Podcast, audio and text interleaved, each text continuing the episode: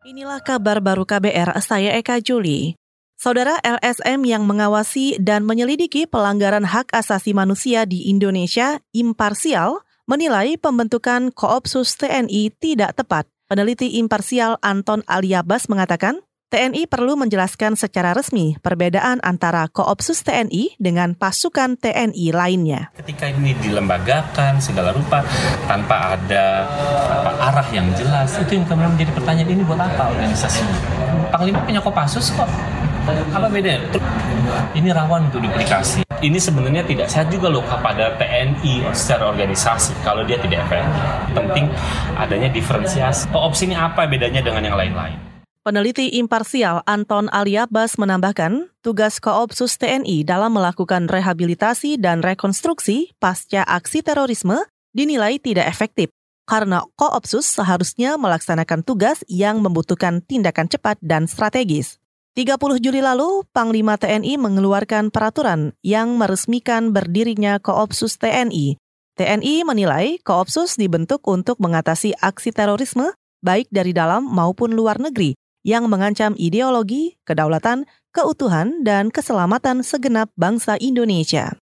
Badan Pusat Statistik atau BPS mencatat nilai tukar petani nasional pada Juli 2019 mengalami kenaikan 0,29 persen dari bulan sebelumnya. Kepala BPS Suharyanto menjelaskan, kenaikan NTP atau nilai tukar petani secara nasional ini dipengaruhi oleh kenaikan NTP di tiga subsektor, yaitu subsektor tanaman pangan, tanaman hortikultura, dan peternakan. Apa yang terjadi dengan nilai tukar petani? Di sana secara keseluruhan nilai tukar petaninya naik dari bulan lalu sebesar 0,29 persen.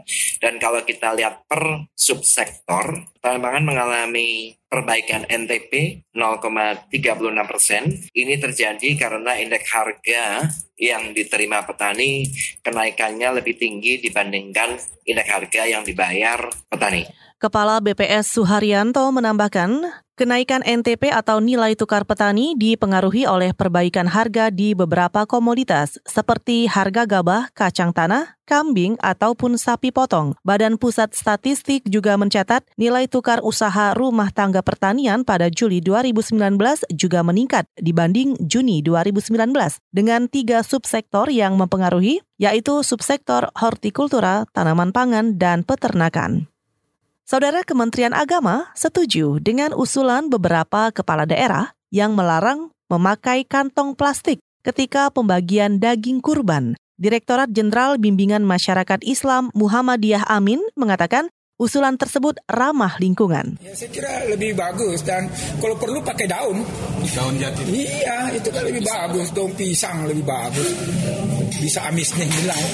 Apalagi kalau eh, apa namanya plastik yang hitam itu lebih lebih tidak bagus menurut saya. Jadi kalau pemerintah daerah punya perhatian seperti itu, saya menurut saya bagus. Dirjen Bimas Islam Muhammadiyah Amin juga meminta Masjid Istiqlal mengikuti saran kepala daerah soal penggunaan besek rotan atau karung ketika pembagian daging kurban di masyarakat. Larangan penggunaan kantong plastik ketika pembagian daging kurban pada Hari Raya Idul Adha sebelumnya disampaikan oleh Gubernur DKI Jakarta Anies Baswedan.